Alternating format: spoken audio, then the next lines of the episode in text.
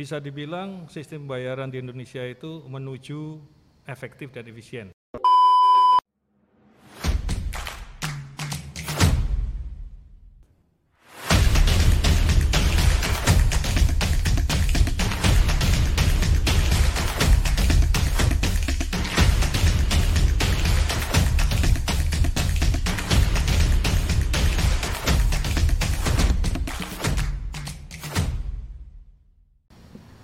Assalamualaikum warahmatullahi wabarakatuh. Hai, selamat siang teman-teman Genbi.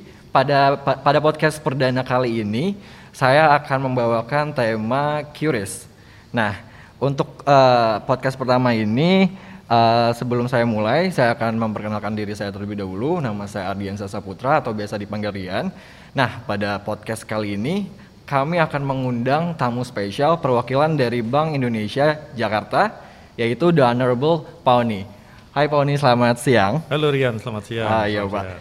Sebelum kita mulai hari ini, saya menyiapkan pantun nih Pak untuk siang ini. Silakan. Semoga berkenan ya Pak. Ah, ke KPWBI naik kuda poni, Wah, cakep. sarapan ubi dicampur gula aren. Wah, manis tuh. Siap sediakah Pak Oni siang ini menjawab podcast Genbi yang keren ini? Waduh, luar biasa. Tentu siap dengan senang hati Rian. Ah, Alhamdulillah ya, diterima sama Pak Oni. Oke, kita langsung mulai pada narasi pertama ya Pak. Ya. Revolusi industri 4.0 di Indonesia membawa dampak terhadap beberapa aspek. ya. Salah satunya aspek ekonomi, di mana banyak pelaku bisnis dan wirausaha saat ini yang memanfaatkan teknologi digital untuk melakukan transaksi jual beli. Mengenai transaksi jual beli sendiri, tentunya berkaitan dengan sistem pembayaran, guna menyesuaikan proses transaksi jual beli tersebut. Nah, menurut Pak Oni, bagaimana sistem pembayaran di Indonesia? Apakah sudah terbilang efektif efisienkah, Pak? Ya. Ya, Rian. Bisa dibilang sistem pembayaran di Indonesia itu menuju efektif dan efisien. Dan efektif efisien itu eh, proyek yang nggak pernah berhenti karena teknologi terus berkembang. Nah, kenapa kok saya mengatakan sistem pembayaran Indonesia mengarah kepada efektif dan efisien? Karena eh, otoritas sistem pembayaran yaitu Bank Indonesia sudah punya visi, punya haluan lima tahun ke depan. Namanya Blueprint Sistem Pembayaran 2025 atau PSPI ya, yang punya lima inisiatif untuk menuju ke efektif dan efisien.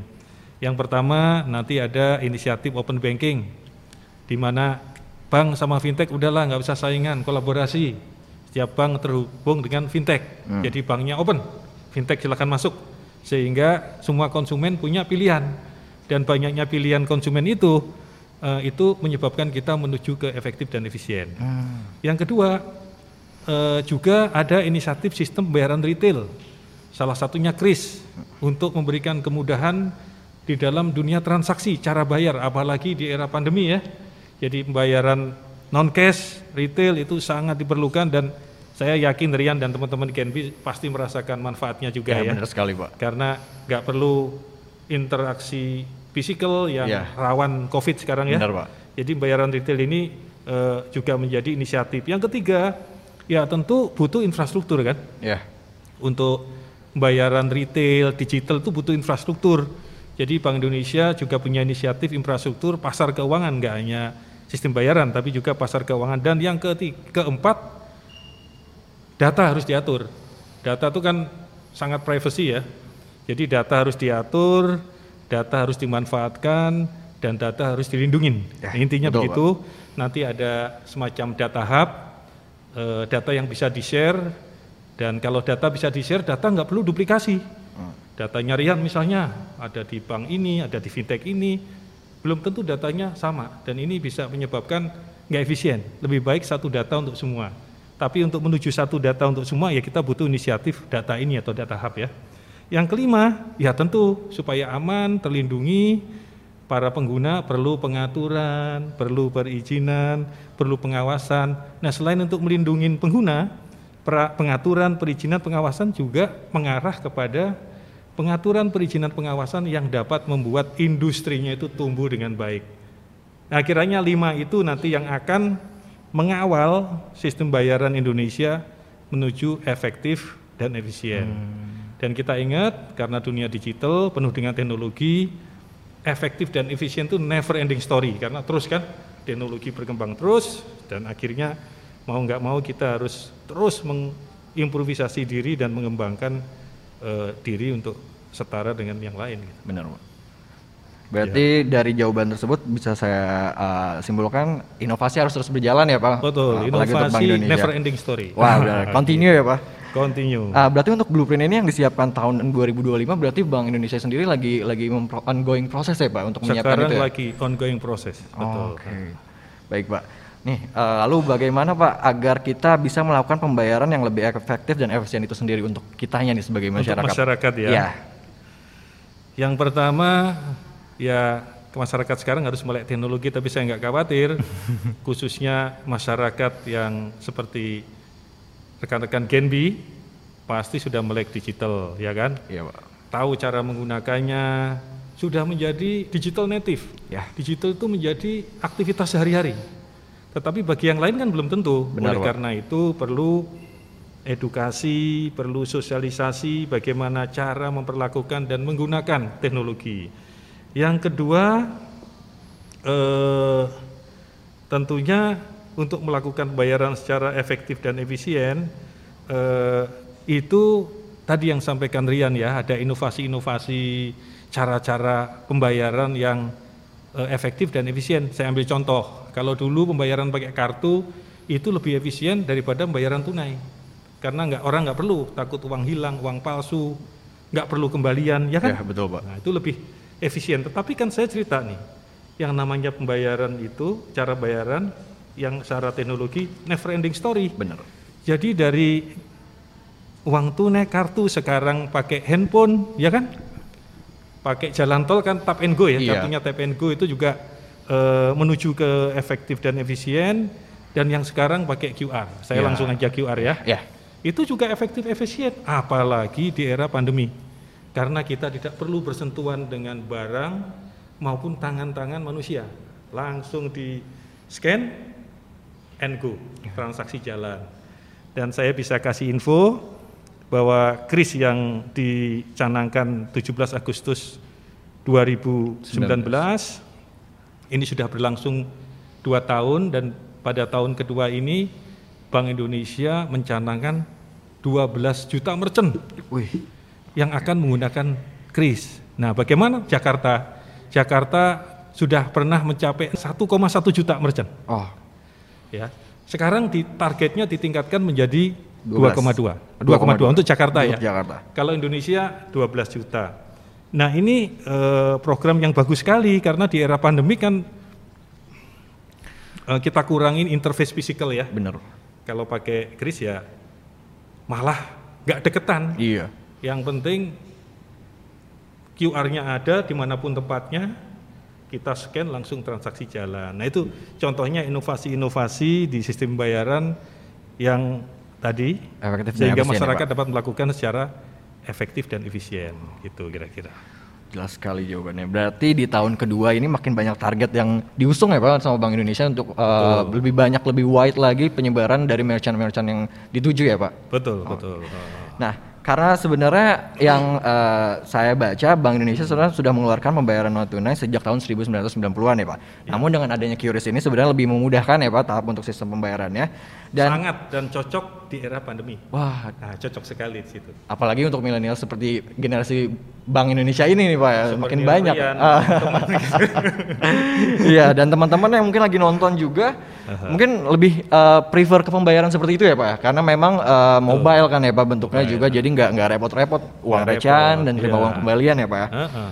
Bener banget. Nah, Curious ini uh, itu uh, ada dalam peraturan uh, PADJ yaitu peraturan anggota Dewan Gubernur yang uh, diluncurkan pada tahun 17 Agustus 2019. Ya. Nah, pertanyaan ketiga nih Pak. Uh, uh. Tadi kan kita udah menyinggung sedikit ya mengenai kris ya Pak. Ya. Uh, membahas tentang kris, uh, mungkin ada beberapa masyarakat yang masih belum paham nih Pak. Ya. Nah, sebenarnya kris itu apa sih Pak? Dan uh, cara penggunaannya bagaimana Pak? Ya, kris itu semacam interface ya, cara pembayaran yang sumber dananya bisa berasal dari rekening kita, ya kan? Ketika top up, ya. atau dari imani, atau dari kartu kredit. Itu sumber ngisi cara ngisi krisnya tuh tiga itu. Nah, kris sendiri itu sangat mudah karena masyarakat pengguna hanya perlu untuk mendownload mendownload apa yang ada di mobile application ya, tinggal dipilih. Setelah di-download itu nanti diisi saldonya supaya bisa digunakan untuk transaksi. Nah, kalau sudah bisa digunakan transaksi sudah transaksi. Tapi kalau kita bicara kris, kris itu ada dua jenis ya. Yang pertama namanya merchant presented mode. Ya bahasa Inggrisnya kan merchant presented mode. Jadi merchantnya yang nunjukin QR-nya, uh-huh. handphonenya nasabah itu yang ngebaca, yang nyeken. Itu merchant presented mode uh. atau MPM. Yang kedua namanya CPM, customer presented mode. Customer yang punya QR di handphone, nanti tokonya yang nyeken, yang ngebaca, dibalik ya. Hmm. Dan yang sekarang lagi beredar di Indonesia itu masih merchant, merchant presented mode. mode. Kita menunggu 17 Agustus nanti pada tahun uh, kedua Kris itu kita akan uji cobakan atau kita launchkan insya Allah ya yang namanya customer presented mode. Wih. Jadi teman-teman enak kan punya QR. Aku mau transfer, udah mana nih? Iya, kayak gini aja, Pak. Langsung. Jadi uh, itu. Terus yang kedua juga ada improvisasi kalau kita bicara uh, eh, QR itu kan biasanya handphonenya didekatkan dengan QR yang ada di toko atau di merchant ya. Itu artinya jarak kita dengan merchant itu dekat. Hmm. Ada yang namanya TTM. TTM itu tanpa tatap muka. Ya ini cara baru, bisa dikatakan inovasi, tapi sebenarnya cara ya. Misalnya kalau teman-teman uh, Genbi beli barang di salah satu lapak, ada istilahnya COD.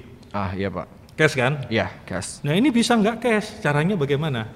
Ya caranya penjualnya atau pengantarnya bawa QR. Nggak tahu caranya gimana di handphone atau di mana. Kita pembelinya kan barangnya nyampe di rumah, nggak usah ngeluarin cash. Mana QR-nya? Kita scan. Nah itu namanya TTM. Tanpa tatap muka dengan yang ngejual. Iya baik Pak.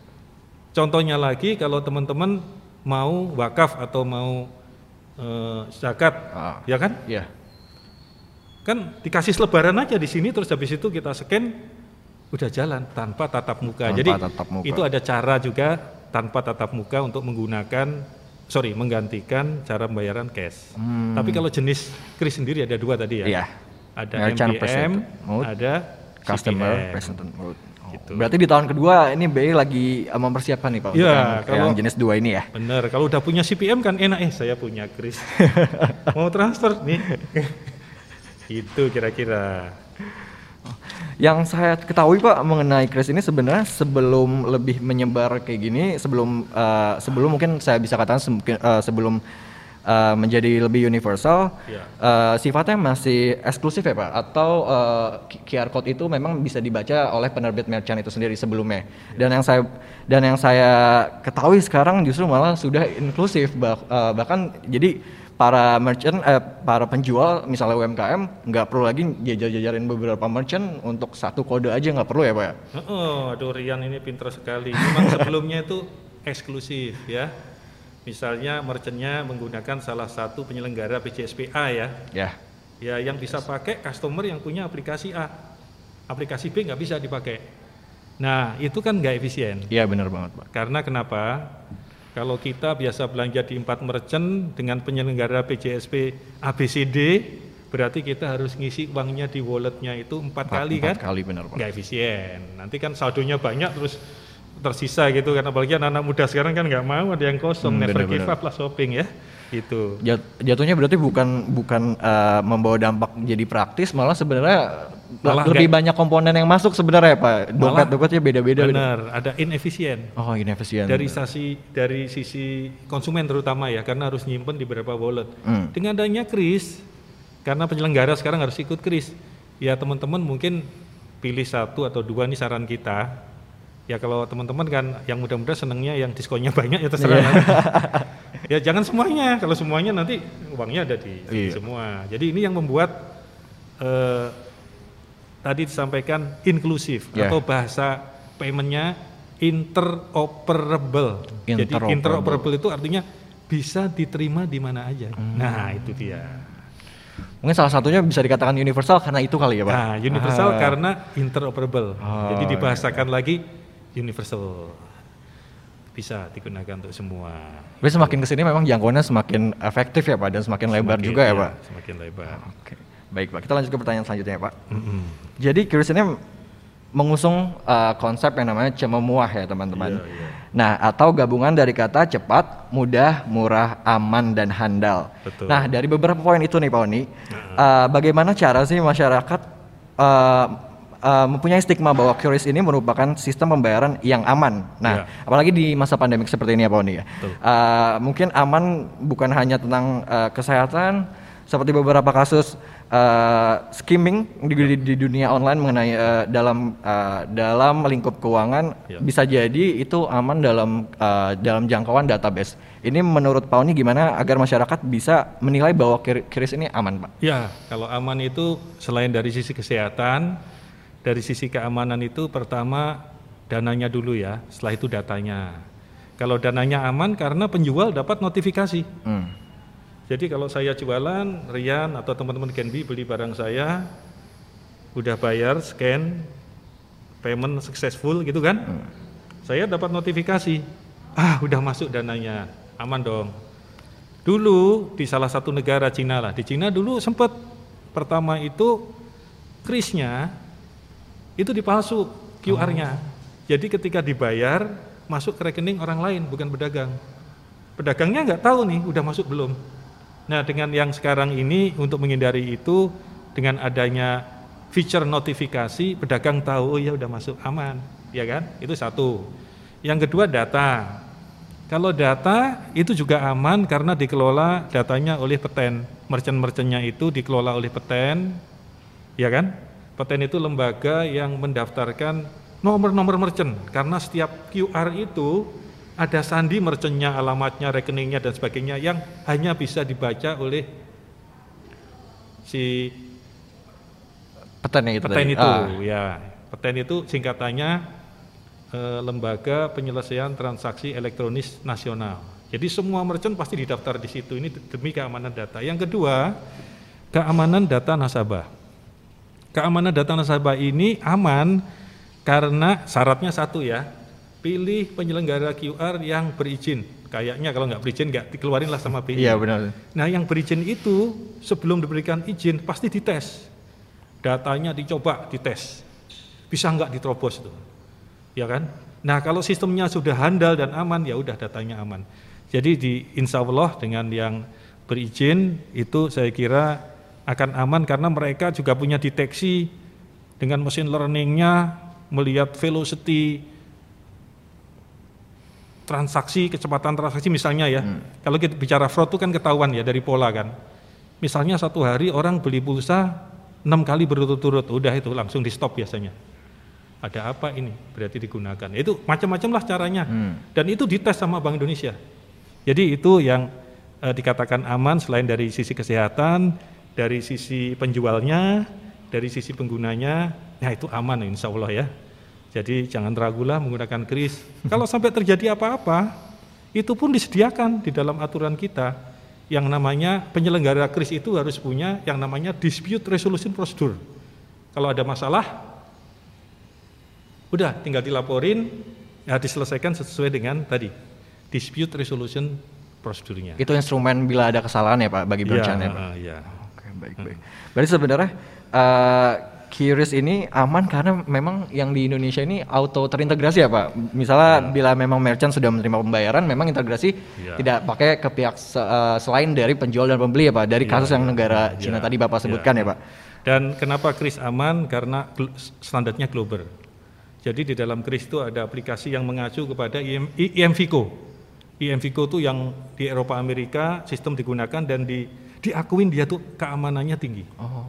Untuk diketahuin ya. Jadi kan nggak ngarang-ngarang lah istilahnya. Hmm. Udah best practice bener tuh di aplikasinya. Ada standar tersendiri juga ya Wah, Pak untuk Bank Indonesia. global.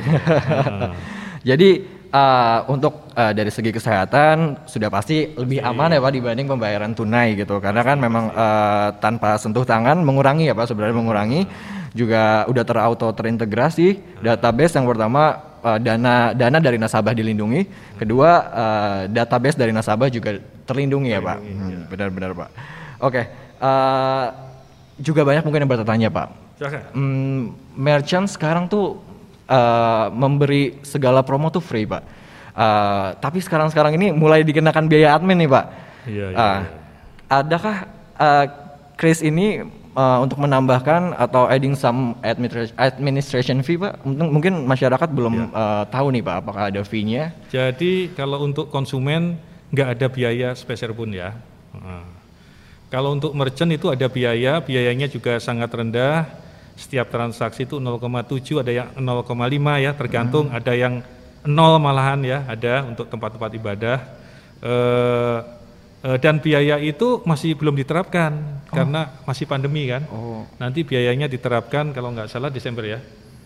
Tadinya Juni tapi diundur lagi sampai Desember. Jadi biayanya sangat murah. Kenapa kok ada biaya pertanyaannya? Nah, apa-apa itu kalau nggak ada biaya, tapi asal biayanya nggak berlebihan ya, Ya. nggak sustain. Karena yang namanya teknologi butuh investasi, butuh pemeliharaan, sehingga mau nggak mau ya, ya memang itu konsekuensi daripada peningkatan layanan dan keamanan, kenyamanan ya. Hmm. Ya biayanya tapi nggak besar loh, itu Iya. 0,07, 0,5 ya. Presentasinya masih di bawah satu ya pak? Masih di bawah satu, Ya. karena debit card itu satu loh biayanya. Bukan untuk konsumen ya, yang kena biaya itu tokonya. Nah kenapa kok toko dikenakan biaya? Yaitu pengganti handling cash. Kalau bayar cash itu kan perlu kembalian, Hmm. Ada resiko uang palsu. Kalau uangnya udah terkumpul, butuh cost of transportation menuju di bank untuk di store. Iya kan? Nggak mungkin uangnya terus Iya. Wah itu mungkin, Nah, malah ada risiko nanti hilang atau apa. Itu kira-kira Rian. Ya jadi untuk uh, uh, nasabah sendiri sebenarnya tidak ada administration fee, ada. tapi adanya itu di penjual atau merchant. Nah Iya. itu kisaran di bawah satu, uh, memang di satu di bawah satu persen ya pak ya. Iya, Dan itu juga 0,7. belum diterapkan selama pandemi ini dan akan dimulai di Desember ya pak ya. Iya. Jadi nggak usah takut lagi ya mengenai administration fee pada penggunaan Kris. Nah, setelah hampir dua tahun nih Pak, Iya. eh, bulan depan kita sudah menginjak umur Kris yang dua tahun ini Pak, Betul. Eh, genap dua tahun. Adanya Kris ini ap- apa aja sih yang udah dilakukan Bank Indonesia agar masyarakat lebih mengenal dan sadar dengan adanya Kris ini Pak? Ya, dengan adanya Kris yang pertama kita edukasi dan sosialisasi terus-menerus ya, continue. Ya, Yang kedua, kita juga fasilitasi UMKM ataupun penjual di pasar-pasar pakai Kris. Jadi kalau pakai Kris nanti juga bisa mengantarkan mereka go digital. Jadi kita fasilitasi, eh siapa yang mau Kris nanti eh, untuk masuk pasarnya kita bantu juga untuk bisa jadi eh, partner ya Pak. Eh, apa member di Tokopedia atau di Bukalapak atau di Blibli dan semuanya deh.